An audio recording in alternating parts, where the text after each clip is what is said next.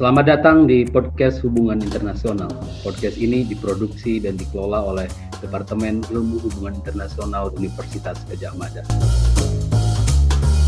Kali ini kita akan membicarakan satu topik yang saya kira sangat penting dalam diskusi perkembangan hubungan internasional di Indonesia, yakni soal disiplin hubungan internasional, tantangan keilmuan dan relevansinya. Pada kesempatan kali ini, kita akan berfokus membicarakan atau merefleksikan perkembangan ilmu hubungan internasional maupun praktek hubungan internasional dalam konteks Indonesia. Seperti kita tahu bersama, bahwa hubungan internasional sebagai satu praktik tentu dia sudah berlangsung sangat lama. Namun, sebagai sebuah disiplin, ia relatif baru jika dibandingkan dengan ilmu-ilmu sosial yang lain. Secara formal, seperti teman-teman tahu, Departemen Hubungan Internasional pertama didirikan pada tahun 1919 di Aberystwyth University dan dalam konteks perang, saat itu Perang Dunia Pertama. Jadi semangat utama uh, lahirnya hubungan internasional adalah semangat idealisme bagaimana mencegah uh, peperangan terjadi. Sementara pada periode yang sama, di wilayah-wilayah dunia yang lain, di Asia, di Afrika, mereka masih bersibuk dengan perjuangan dekolonisasi. Jadi, membicarakan hubungan internasional di negara-negara pasca kolonial seperti Indonesia tidak bisa dilepaskan dari konteks global di satu sisi dalam dan konteks dinamika nasional pada sisi yang lain. Saya Lukmanul Hakim. Pada episode ke-9 ini uh, kita sangat beruntung bersama kita sudah hadir Profesor Mohtar Masud untuk membicarakan tema besar ini. Uh, kami berdua adalah dosen ilmu hubungan internasional.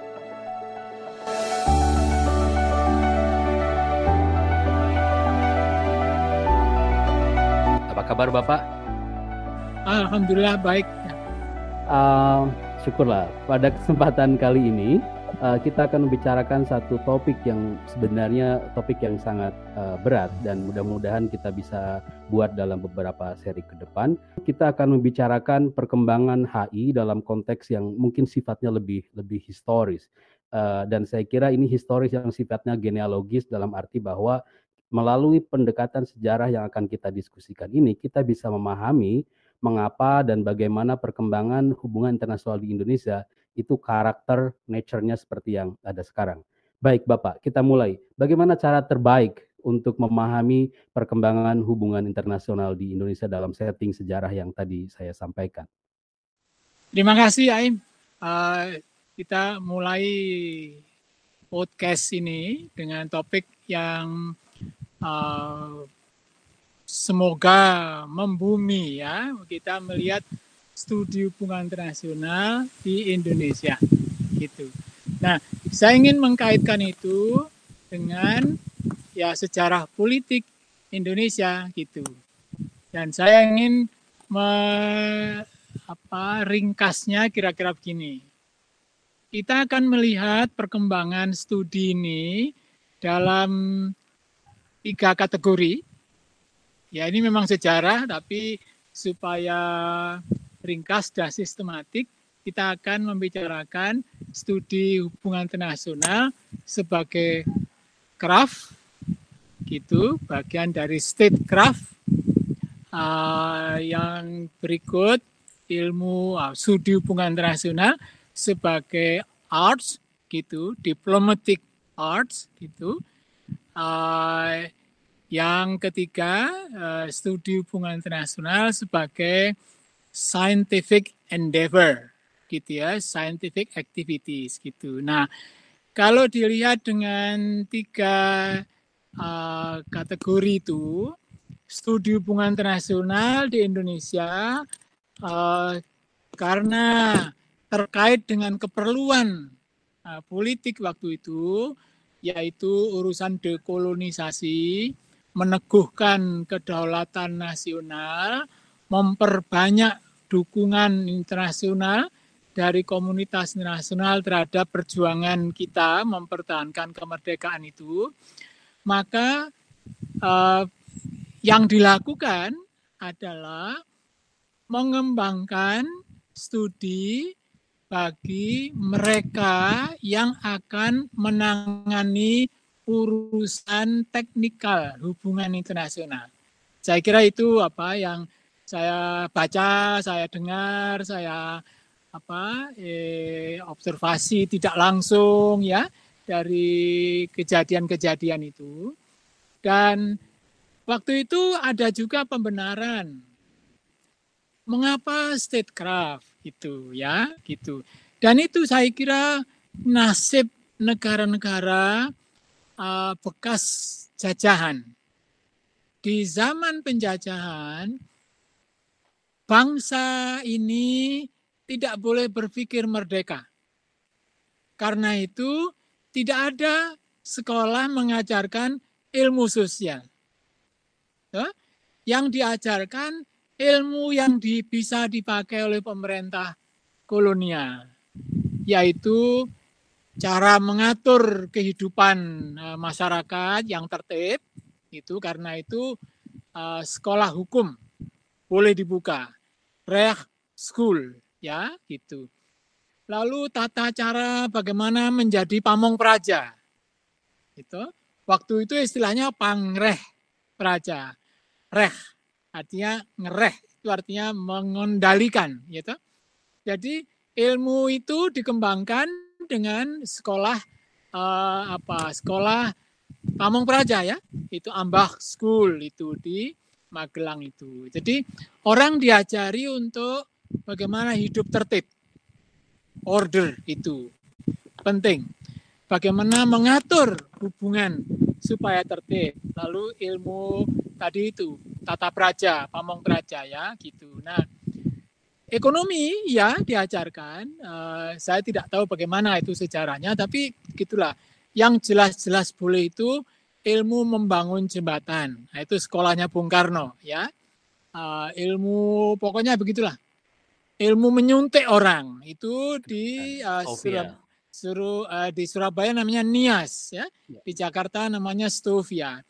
Nias itu sekolah dokter Jawa tidak sepenuhnya dokter sebetulnya karena uh, tidak lengkap sebagai tapi waktu itulah jadi ilmu-ilmu itu boleh nah, ketika kita merdeka yang dekat dengan ilmu sosial itu yaitu gitu jadi pengertian ilmu sosialnya uh, pengertian uh, apa mengendalikan. Ya controlling gitu. Nah itulah lalu mengapa generasi pertama orang yang belajar HI di Indonesia itu belajarnya hukum, eh, ilmu hukum, hukum tata negara, hukum apa ya, semua hukum-hukum. Dan uh, sejarah. Sejarah diplomasi, diplomasi ini, diplomasi itu semua uh, apa wilayah yang dikenal dalam geografi waktu itu ada sejarahnya. Sejarah diplomasi Eropa itu jelas secara diplomasi Timur Tengah itu jelas. Secara diplomasi Timur Jauh itu jelas.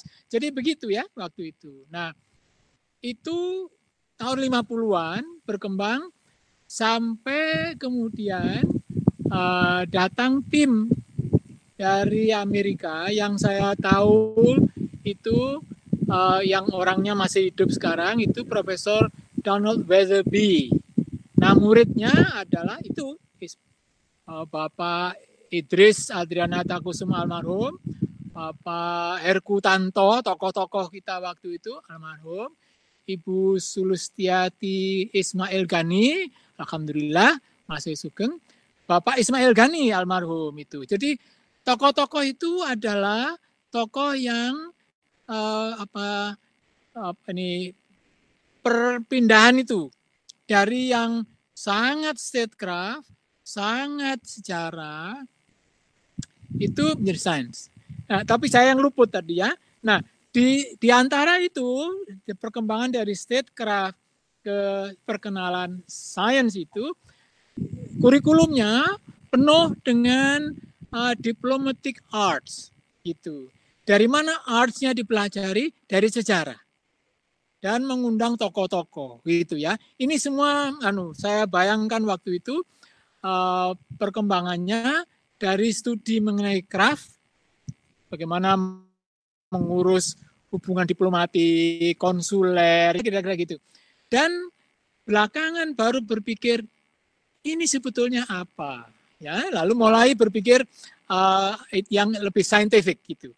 Nah, ini penting untuk diingat karena dulu zaman saya kita mengeluh terus kok belajarnya sejarah ini, sejarah itu gitu ya. Pada zaman saya mulai menjadi dosen, uh, dosen-dosen saya di atas saya Pak Amal, Pak Amin dan Pak Yahya apa itu um, mengubahnya itu ya. Sehingga kata apa kata sejarah karena mulai tidak menarik bagi anak-anak lulus SMA masuk ke sini kok sejarah melulu gitu ya. Nah, lalu disebut dengan macam-macam. Yang pulang dari Amerika dengan pikiran comparative politics memperkenalkan government and politics of itu ya. Jadi bukan lagi sejarah diplomasi timur jauh tapi pemerintah dan politik eh, Jepang. Nah, pemerintah dan politik apa Rusia gitu-gitu ya. Jadi itu perkembangannya begitu. Nah, mengenai yang ini memang ada perkembangan menarik waktu itu ya. Karena uh, eh, HI sebagai topik penelitian itu pertama uh, biayanya besar. Itu waktu itu kita masih belum cukup leluasa memanfaatkan dana atau memanfaatkan sumber daya uh, literatur segala macam ke luar negeri ya. Jadi berkutat di sini-sini. Nah, karena itu yang menarik adalah saya lupa ya, hampir semua yang keluar negeri dari jurusan ini itu pulangnya dengan studi mengenai atau comparative politics atau political development gitu yang satu dekat dengan area studies itu Pak Amin Rais. Itu pun belajar mengenai social movement ya di Timur Tengah. Jadi poin saya adalah ada masa ketika studi HI itu uh, bukan dihindari, tapi tidak dikembangkan sebagai sains itu. Jadi ketika ketika tim dari School of Advanced International Studies John Hopkins itu ke sini membawa buku apa itu Babon ya namanya itu Politics Among Nations itu memperkenalkan cara untuk melihat secara saintifik gitu ya positivis gitu ya tapi tidak dikembangkan. Malah skripsi banyak teman generasi yang Pak Amal itu skripsinya tidak HI seingat saya ada yang nulis Masumi, ada yang menulis apa gitu ya. Eh, karena itu ada kuliah mengenai partai politik ya, di, di begitu ya di jurusan ini. Jadi sebetulnya saya ingin me, apa, menggambarkan perjalanannya tidak se neatly apa seperti apa seperti yang saya gambarkan itu ya gitu ya ada itunya tapi saya ingin melihat tiga apa ada pola itu yaitu kita mulai dengan statecraft. Saking statecraftnya waktu itu pelajaran di luar kelas ekstrakurikulernya adalah table manner. Itu. Jadi dulu terkenal tuh anak HI itu. Kalau masuk HI maka apa ada acara di restoran Un. Bagaimana cara apa nih cara bertable manner ya makan ya gitu-gitu. Lucu-lucu ya uh, zaman itu. Tapi waktu itu malah ada yang bangga. Wih HI ya oh ya ya ya. Jadi apa kira gitu poin saya adalah uh, statecraft sebagai cara sebagai pendekatan untuk belajar studi HI itu berpengaruh besar gitu ya uh, arts juga gitu Nah, uh, yang belakangan itu sains juga tapi agak belakangan. Uh, saya kira sangat menarik untuk melihat atau memahami perkembangan uh, hubungan internasional melalui tiga lensa itu. Hubungan internasional sebagai statecraft, hubungan internasional sebagai praktik, dan hubungan internasional sebagai disiplin atau sebagai sains. Nah, yang saya kira juga cukup menarik dari pengalaman Indonesia, saya kira ini bagian hubungan internasional sebagai art uh, yakni bahwa tahun 50-an kita punya pengalaman yang luar biasa, kita mengorganisir konferensi Asia Afrika. Gagasannya sangat radikal, yakni mempertanyakan hierarki dunia utara dan dunia selatan. Tapi pada masa Orde Baru, hampir semua kebijakan politik luar negeri fokus utamanya adalah uh, dalam konteks uh, investasi untuk pembangunan, tidak lagi mempertanyakan hierarchical relations antar antar dunia. Nah, yang ingin saya perdalam lebih lanjut adalah bagaimana uh, kita bisa membaca sejarah uh, perjuangan politik luar negeri yang demikian radikal melalui uh, pemahaman interaksi dari tiga cara melihat HI, yakni HI sebagai statecraft, HI sebagai art dan HI sebagai uh, science dalam mewarnai kebijakan politik luar negeri Indonesia. Saya melihat misalnya ya konferensi Asia Afrika itu it has nothing to do with IR studies ya. Yeah, yeah. Itu muncul dari aktivisme politik. Yeah.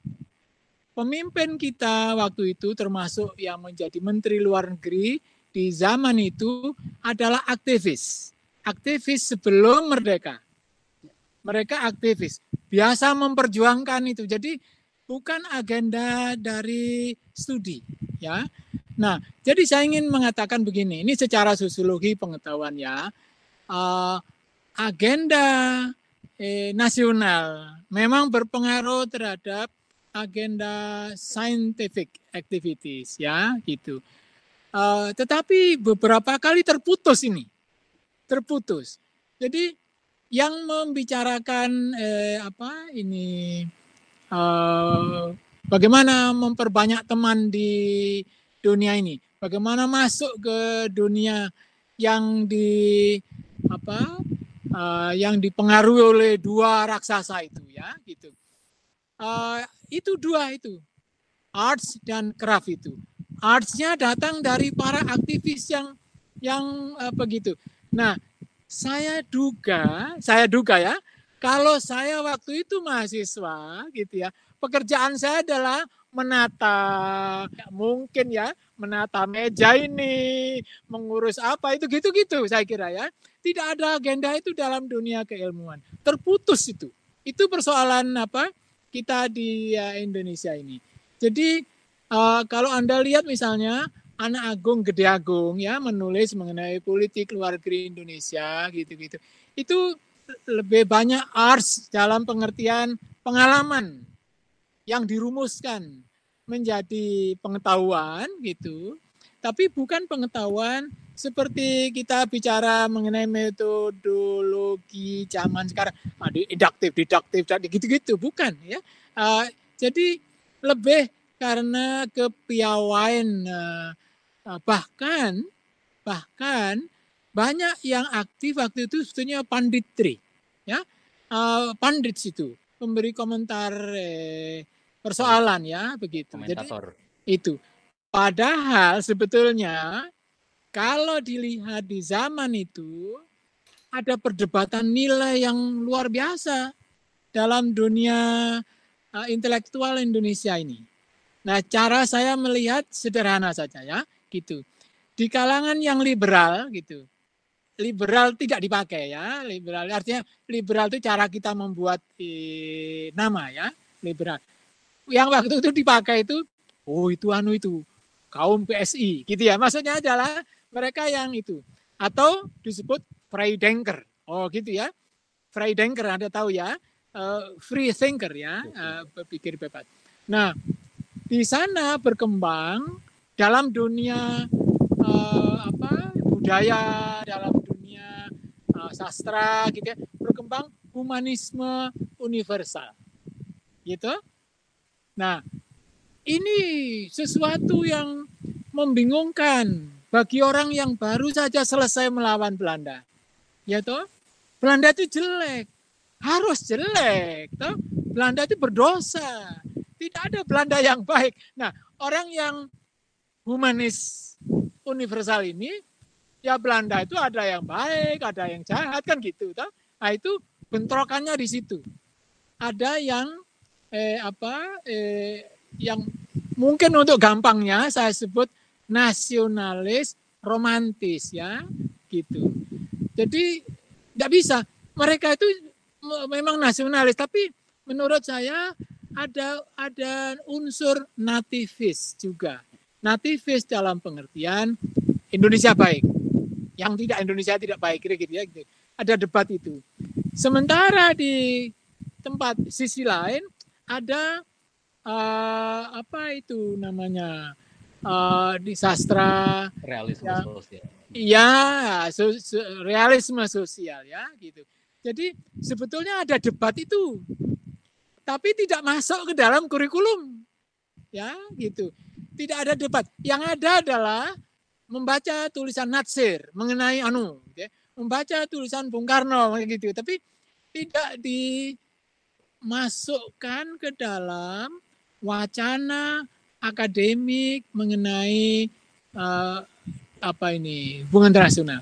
Padahal waktu itu saya pernah mendengar ceramah dari seorang jenderal yang priayi ya, namanya Kanjeng Gusti Pangeran Haryo Jati Kusumo.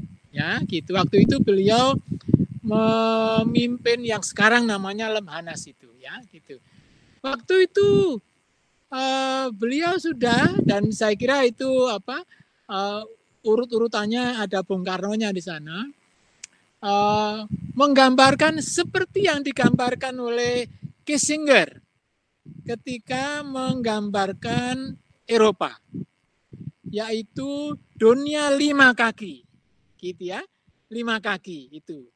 Uh, di Eropa ada uh, kaki apa Inggris, Prancis, Rusia, uh, Rusia, uh, uh, siapa lagi yang saya hilang ini ya, uh, gitu lima kaki. Kalau dunia ingin apa? Ingin uh, stabil lima kaki. Jadi uh, berpikir mengenai uh, apa namanya struktur dengan cara begitu. Nah, ada juga waktu itu kita saya tidak tahu Bung Karno meniru siapa atau mau Zedong meniru siapa, tapi Bung Karno melihat ada kekuatan di dunia ini yang sudah sombong dia, sudah establish dia. Toh? Ini yang mau berubah. Ya.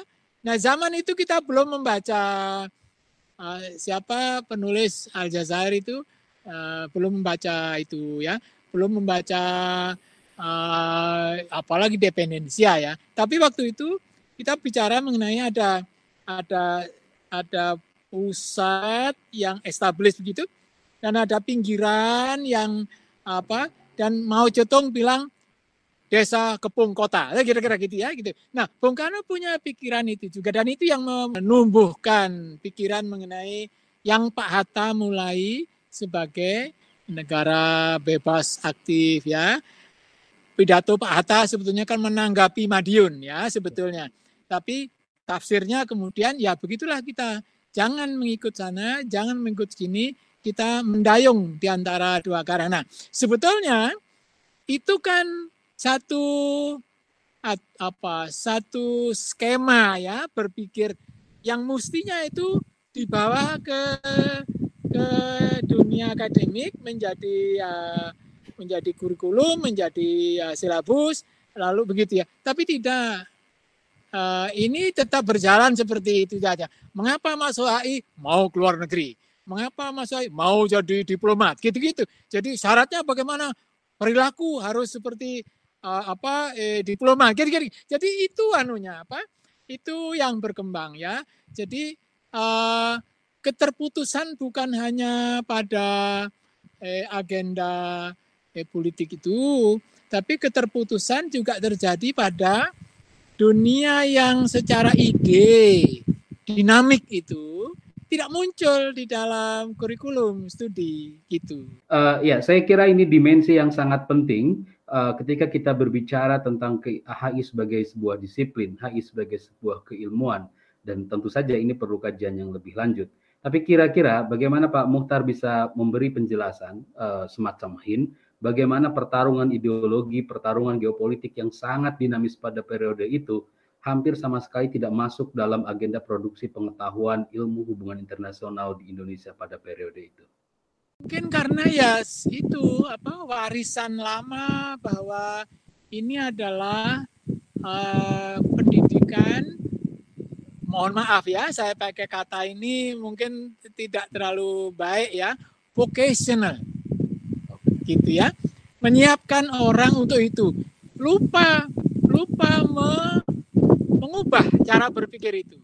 Jangan lupa bahwa HI ini tidak pernah mengiklankan diri iklannya dibuat oleh masyarakat itu jadi tidak pernah kita pergi ke mana mencari murid tidak pernah itu kan? Karena wah iya, waduh saya tidak sanggup deh, kira-kira gitu ya. Jadi begitu, karena HI itu artinya bahasa Inggris, ya. Uh, lalu belajar nanti anu diplomat gitu, gimana? Jadi uh, kita dimanja oleh itu. Kita lama sekali dimanja sampai hari ini kita tidak pernah beriklan. Tiap hari yang di TV itu itu HI ya, itulah HI katanya. Jadi saya kira uh, kita mesti mesti tengok kembali lah itu kesalahan lama itu ya, gitu. Jadi uh, apalagi sekarang HI kan banyak ya dulu sendiri kita kan. Nah, jadi saya bayangkan uh, waktu itu kenapa tidak ada upaya memperbaiki uh, kurikulum gitu. Ini saja sudah laku. Dan banyak, oh ibu-ibu senang sekali anaknya masuk HI ya. Oh, kalau Mas Rum lulus zaman itu, ya Allah, banyak sekali ya. Saya poin saya adalah bahwa uh, kita ini dibentuk oleh masyarakat. Itu agenda masyarakat itu agenda yang lebih craft, lebih dalam mohon maaf ya lah dalam tanda kutip ya, lebih vocational gitu. Uh, karena waktu itu, cobalah bayangkan. Bagaimana membayangkan hidup sebagai peneliti hubungan internasional? Tuh? Siapa? LIPI itu banyak kita masuk LIPI. Tapi kan kalau dibanding dengan yang lain ya, wah semua maunya waktu itu banking belum ya, uh, eh, NGO belum ya, uh, kegiatan internasional yang belum banyak lah. Internasional artinya deplu gitu. Peneliti artinya pegawai negeri gitu ya peneliti artinya apa itu LIPI gitu ya karena atau ya saya lupa waktu itu. CSIS itu baru saja ada tahun 70 eh, 34 gitu ya uh, begitu jadi waktu itu kenapa begitu jangan-jangan karena itu im karena di dalam masyarakat agendanya ada agenda craft. Jadi uh, tidak banyak uh, apa memanfaatkan tadi itu dinamika cara berpikir. Nah, kalau kita membaca saya lupa ya. Seingat saya dulu novel Senja di Jakarta itu ingat saya ya, saya lupa lah apa betul begitu ya. Ingat saya adalah itu mencerminkan debat besar mengenai ide mengenai uh, ya politik lah ya gitu di Jakarta waktu itu. Kalau membaca lagi uh, kumpulan tulisannya Pak Herb mengenai Indonesian political thinking gitu ya, ada banyak di situ. Ada banyak debat mengenai uh, ide itu. Tapi tidak muncul di dalam studi HI ini gitu. Nah, dengan cerita itu saya ingin mengatakan bahwa eh, ya kita tidak bisa ini boro-boro kita berpikir mengenai oh, teori yang apa gitu ya uh, yang kita coba saya sendiri mencoba waktu itu ya membayangkan kita punya ide loh di dalam konferensi Asia Afrika itu itu kan muncul dari satu ide uh, apa melihat dunia dari kacamata kita toh? ya saya belum tahu. Kita perlu bekerja keras lebih keras lagi untuk melihat ini. Kita mesti cari, mesti ada, walaupun masih sangat sederhana, orang Indonesia yang ingin melihat persoalan dari kacamata Indonesia. Di dalam sejarah, saya, saya sudah berkali-kali bercerita ya, Profesor Sartono mulai itu. Sederhana saja. Orang melihat sejarah Banten dari kantor apa dari rumahnya bupati atau rumahnya presiden atau rumahnya gubernur gitu ya. Nah, Pak Sartono melihat dari pesantren, dari uh, desa ya gitu. Itu kan sudah membalikkan cara uh, cara pandang itu, membalikkan cara berpikir. Gitu ya. Nah, sehingga kemudian ketika uh, kita kan melihat Banten itu berkali-kali dilihat dari kacamata beda-beda ya. Uh, dulu kacamatanya si residen itu, lalu dari kacamatanya keluarga Menak, kan, bupati itu kan. Nah, Pak Sartono melihat dari Pak Sartono bilang petani. Sebetulnya itu pesantren. Atau saya tidak tahu lah. Tapi poinnya adalah dari dusun. Gitu. Nah, dalam studi hak ini kita masih belum punya itu. Peta peta jalannya dulu bagaimana belum pernah kita tahu. Yang kita tahu adalah ya itu ada romantisme uh, nasional yang masuk ke dalam karya-karya keilmuan itu. Dan itu eh, apa eh, dilawan oleh mereka yang melihat dunia ini dari gambar besar. Kan cara orang seperti Syahrir melihat eh, jagat internasionalnya gitu kan beda dengan cara Bung Karno melihat jagat internasional itu. Itu sebetulnya kan bisa di di apa dijadikan pangkal tolak untuk mengetahui eh, perkembangan pemikiran ya HI, tapi itu belum kita lakukan. Salah satu implikasi atau konsekuensi ya dari uh, arts sebagai pendekatan yaitu mempelajari diplomatic arts dari sejarah, dari apa gitu. Salah satunya adalah Eh, konsekuensinya adalah eh, calon-calon diplomat itu menjalani uh, on the job training ya gitu. Jadi itu membuat waktu itu doktorandus ya uh, HI itu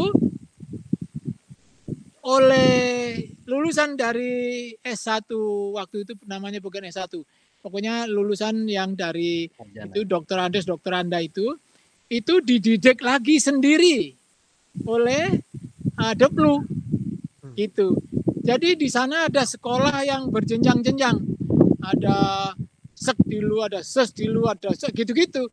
Jadi sebetulnya waktu itu jangan-jangan itu juga membuat yang di tingkat ini, tingkat sekarang namanya S1 ini menjadi ya ya kita ajar begini aja nanti toh nanti diajar lagi di sana kan gitu. Jadi saya ingin apa uh, menggambarkan waktu itu itu tadi ada complacent ya, ada apa sudah nyaman begini saja gitu. Jadi saya saya apa saya ingin ini uh, menjadi pendorong bagi kita untuk berpikir mengenai uh, yang lebih apa teori konseptual uh, serius gitu ya untuk melihat uh, studi HI ini. Karena kalau saya boleh ulangi, gara-gara kita bekas uh, dijajah, maka cara mendekati kegiatan keilmuan ya warisan dari masa penjajahan. Jadi ini statecraft gitu ya kan. Mungkin Aim atau Mas Rum Eh, bisa tanya ke Fakultas Hukum ya. Di Fakultas Hukum dulu ada namanya ilmu negara. Ya. Gitu. Staatskunde. Itu. Itu ya itu kita apa eh, belajar mengenai politik eh, mengenai apa saja itu dengan cara yang craft tadi itu. Jadi bagaimana ini dijalankan seperti yang sudah di apa lakukan sebelumnya. Nanti kalau ke fakultas, pergi ke ruang dekan. Bekas dekan, mantan dekan sejak awal itu SH, SH, SH gitu ya. Gitu. Sosiologi pun SH, SH, SH gitu. Nah, karena cara kita mempelajari hukum waktu itu kalau di kalau di tempat lain namanya itu FHPM. Fakultas Hukum dan Pengetahuan Masyarakat. uh, di UI, FH, dan IPK dipisah. Nah, IPK tahun 60-an akhir menjadi Fakultas Ilmu Sosial itu gitu ya. Jadi HI-nya juga keturunan dari FH IPK itu.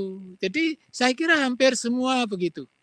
Uh, nasib kita sebagai negara bekas kolonial. Uh, saya kira kita bisa mereview uh, bahwa ini adalah tantangan yang sangat serius bagi kajian-kajian hubungan internasional. Artinya ada dua tugas utama bagi teman-teman yang mau belajar hubungan internasional, terutama hubungan internasional sebagai sains, hubungan internasional sebagai disiplin. Pertama, penting untuk mempelajari HI sebagai sains itu sendiri, sebagai korpus sains itu sendiri. Dan yang kedua adalah membongkar perkembangan historis yang mempengaruhi perkembangan keilmuan, orientasi ideologi, orientasi pengetahuan hubungan internasional yang dipengaruhi dalam diskusi kita kali ini oleh tiga area. Pertama, melihat HI sebagai statecraft, yang kedua, melihat HI sebagai art, dan yang ketiga, melihat HI sebagai disiplin atau sebagai science. Uh, ini area baru bagi saya Pak Pak Mohtar. Artinya selama ini orang seperti saya mungkin terlalu bersibuk uh, membicarakan teori-teori besar tentang teori sosial, tapi ketika kita membicarakan tentang kontekstualisasi dalam tantangan keilmuan HI, kita lupa uh, sering kali saya saya lupa bagaimana uh, aware terhadap perkembangan HI yang dipengaruhi oleh berbagai macam faktor yang tadi di, disebutkan oleh oleh Pak Muhtar.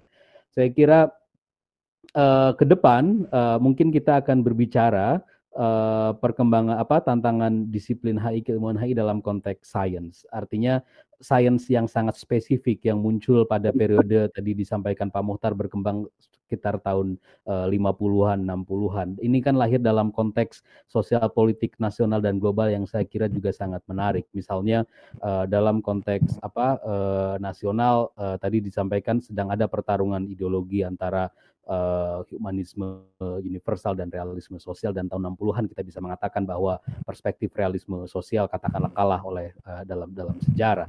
Dan itu juga mempengaruhi alur bagaimana kajian-kajian ilmu sosial itu relatif habis dimensi ideologinya semua masuk dalam kajian-kajian pembangunan tidak luput juga studi HI dalam konteks global misalnya pada periode tersebut kita juga sedang apa e, menyikapi perang dingin dan disiplin keilmuan HI yang berkembang adalah area studies dan behavior, tradisi behaviorisme. Apakah misalnya perkembangan-perkembangan besar ini baik di level nasional dan global itu juga mempengaruhi warna uh, perkembangan keilmuan uh, eh, HI di Indonesia. Saya kira ini satu topik yang mungkin akan kita bicarakan uh, di pertemuan selanjutnya. Oke, okay, uh, demikian seri podcast episode ke-9 uh, podcast hubungan internasional kali ini. Terima kasih sekali atas insight. Terima kasih. Pak Motar, kita bisa berjumpa di episode uh, selanjutnya. Terima kasih. Ya, terima kasih.